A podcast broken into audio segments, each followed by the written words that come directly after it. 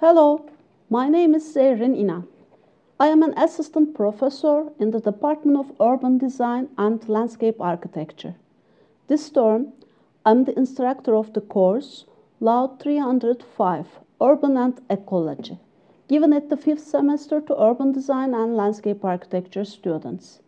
The aim of this course is to provide students with understanding of urban ecology, includes detecting and characterizing urban dynamics and relations between living organisms that take place within an urban environment.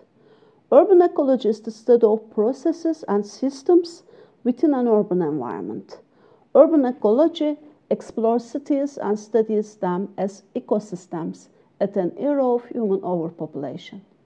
Because the number of human population lives in the urban settlement increases every day, it is important to understand how large urban areas work, how humans and societies interact with natural systems, and among themselves.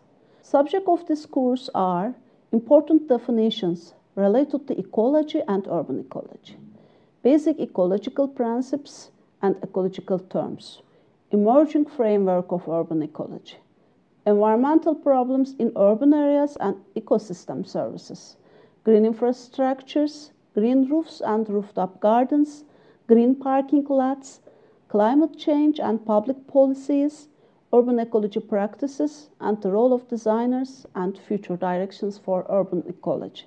The course will be given in the form of lectures, seminars, and independent works.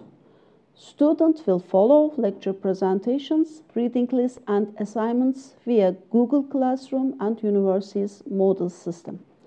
I hope to see you in this class. Bye.